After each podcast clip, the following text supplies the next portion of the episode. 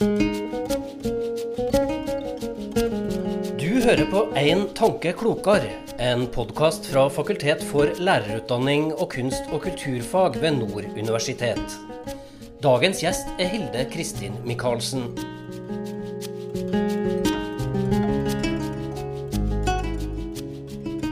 Jeg har jo eh, truffet de her ungdommene eh, første gang da de gikk i 7. klassen, altså det siste året på barneskolen. Og da var de veldig aktive. De eh, var mer aktive enn kanskje kunne forvente i forhold til de her nasjonale kartleggingsundersøkelsene som eh, er gjort i, i Norge.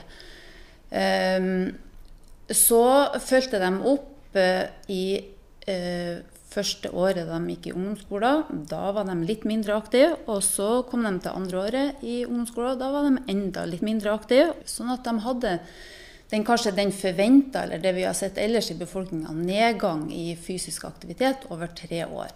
Men de var overraskende aktive som sjuendeklassinger. Hilde Michaelsen fulgte 320 ungdommer gjennom tre år. Da hun starta, var 87% av dem så aktive at de oppfylte myndighetenes anbefalte nivå. Gjennom denne perioden skjedde en endring, og etter tre år hadde aktivitetsnivået sunket til under det som er anbefalt hos 40% av de unge hun fulgte.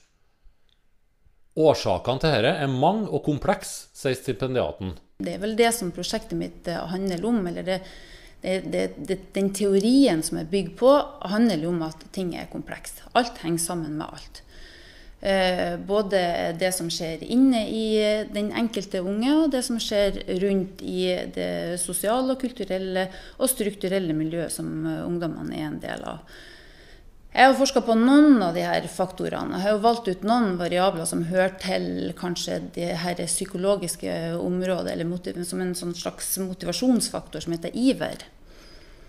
Og jeg ser jo at eh, det med iver, å være ivrig, i det ligger det jo noen, eh, noen dimensjoner. Men det å være ivrig, det å oppleve at ting er meningsfullt og relevant for seg, det er av betydning. Du må synes at ting gir mening. Eh, og i tillegg så har jeg sett på det med kompetanse. Det å oppleve seg flink, det har også betydning for eh, hvor fysisk aktive de er. Eh, og så har jeg også sett på denne sosialiseringsfaktoren som foreldre utgjør. Foreldre har betydning.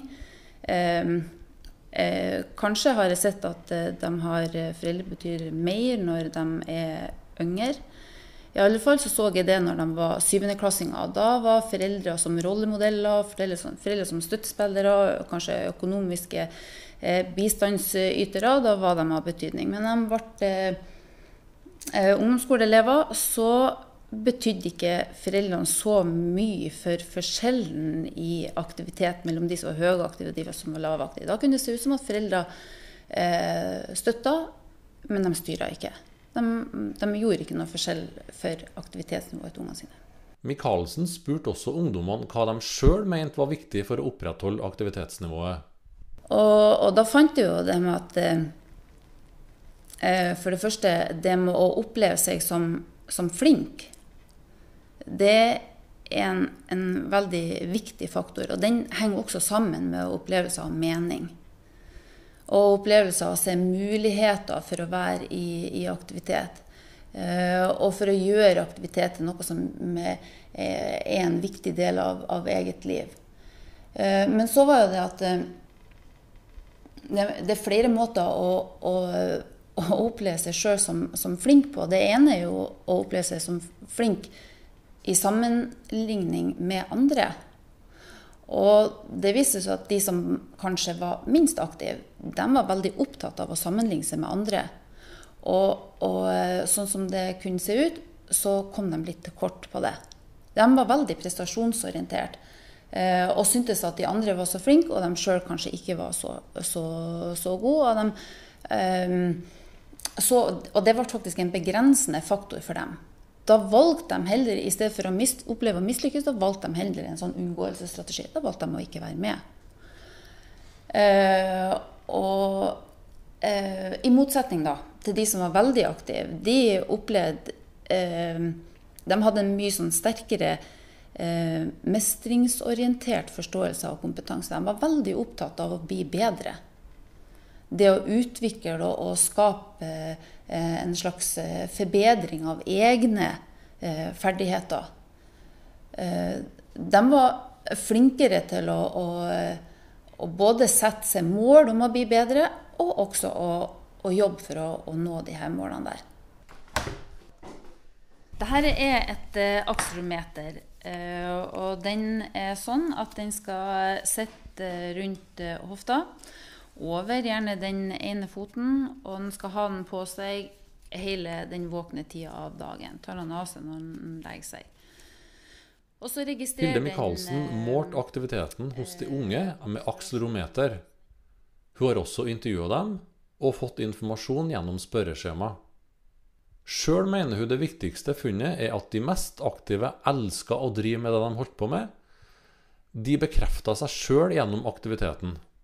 I de kvalitative intervjuene mine så kom det jo frem at eh, de mest aktive de opplevde en veldig sånn sterk omforent verdiorientering eh, med de aktivitetene som de drev på med. De elska liksom sine idretter. Det var et eller annet der som gjorde at det, det eh, ble veldig viktig for dem. Og de fant på en måte seg sjøl i, i, idretten. Eh, idretten bekrefta dem på en måte. Det her er meg. Sånn vil jeg være. Det her vil jeg drive med. Det gir mening i mitt liv. Eh, mens de inaktive de opplevde en ambivalens. Og i det lå det egentlig at de ønska det samme. Det syns jeg er et viktig funn. De aller fleste har et ønske om å være med i sammenhenger der andre jevnaldringer er, og de har et ønske om å utvikle og utforske egne ressurser. Men de bare klarte ikke å se at, de, de klarte ikke å se at det fantes noe der som passa for dem. De opplevde ikke å få den bekreftende eh, eh, ja, de bekreftende erfaringene i, de aktivitetskontekstene som de ble tilbudt. Så jeg tenker at det har egentlig ikke så mye med dem å gjøre. Det har veldig mye med de ulike aktivitetskontekstene, eller aktivitetskulturene, som vi tilbyr ungdommene. Det syns jeg er et viktig funn. Med utgangspunkt i de funnene du har gjort så langt, eh, hvilke råd vil du gi til en lærer i kroppsøving f.eks.? Ja, det å være lærer i kroppsøving, det er en interessant jobb, tror jeg må si. Eh, det er en rimelig krevende jobb. Eh, og jeg tenker at det handler ikke bare om læreren i kroppsøving, det handler om en hel skole eller en hel skolepolitikk. For jeg tenker at det å lytte til eleven sjøl og møte eleven der han eller hun er, det er en veldig viktig ting. Eh, gi tid til, eller åpne opp for den enkeltes ønsker, og interesser og forståelser. Eh, det er en, eh, en, viktig ting som kanskje blir glemt i en tid der vi er veldig opptatt av målstyring. Lærere i skolen er veldig eh, eh det er etterrettelig og, og ønsker å, å gjøre jobben sin på en god måte i forhold til den, det mandatet som en er gitt, og, og de planene som en er forplikta til å følge. Og da glemmer en kanskje den enkelte eleven som, eh, som, har sine behov og sine ønsker. Eh, som kanskje er den lille forskjellen som gjør at eh, faget i kroppsøving blir mer meningsfullt og relevant. Og jeg tror også det er veldig mange Vi har jo ulike måte, eh, tenkninger. Kanskje er det eh, litt sånn eh, lokal læreplanlegging eller skolekultur. Vi snakker om, litt om hvordan gjør vi det hos oss. Eh, og, og, og kroppsøvingslærere tenker jo forskjellig, og en har jo ulike filosofier for, bak eh, den jobben man gjør. Men jeg tenker at eh, det å bidra til å skape en handlingskompetanse, det å bidra til å utvikle kompetanse og å gi den enkelte opplevelse av faktisk å utvikle kompetanse, det å bli bedre, det tror jeg er veldig viktig for kroppsøvingslærerne. Og da må man bruke tid på faget. Man må ikke nødvendigvis bruke tid til mest mulig fysisk aktivitet, sånn, sånn type flest mulig minutter i aktivitet, men mest mulig tid til, til læringsaktivitet som, som, eh, som øker kompetansen, rett og slett. Som øker læringsfaktoren. Og så kanskje hjelpe de, de enkelte elevene ikke nødvendigvis gruppa som helhet, men de enkelte elevene til å se på hvilken måte kan du bruke denne kompetansen i ditt liv. På ditt heimsted, sammen med dine. For de her elevene de har jo en, en, egen, en egen livskontekst som alt skal passe inn i. Hva slags betydning håper du at arbeidet ditt vil få? Jeg håper at, eh, at eh, det er jo ingen revolusjon, det jeg har funnet, men jeg håper jo at eh, vi At arbeidet bidrar til at vi husker å høre på de unge. Det må vi ikke glemme.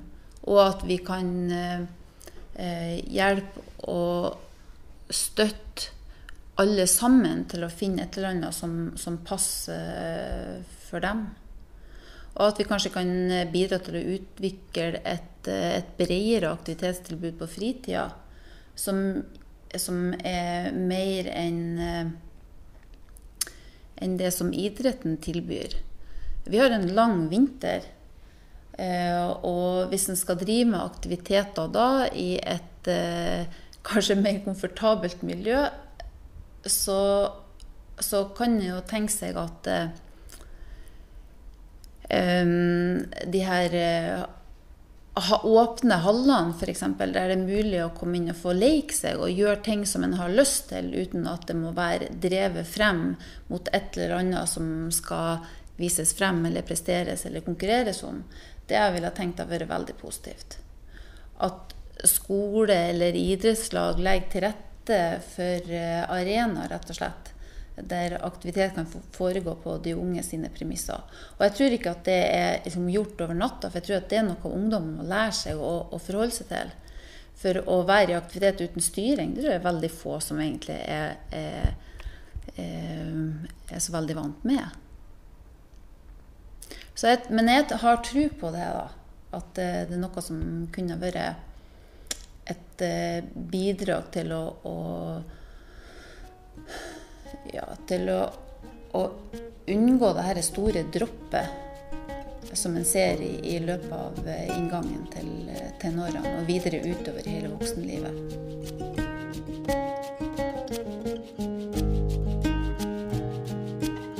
Du har hørt en podkast fra Fakultet for lærerutdanning og kunst- og kulturfag ved Nord universitet. Musikken er komponert og framføres av Andreas Aase. Innslaget er laga av Geir Gran.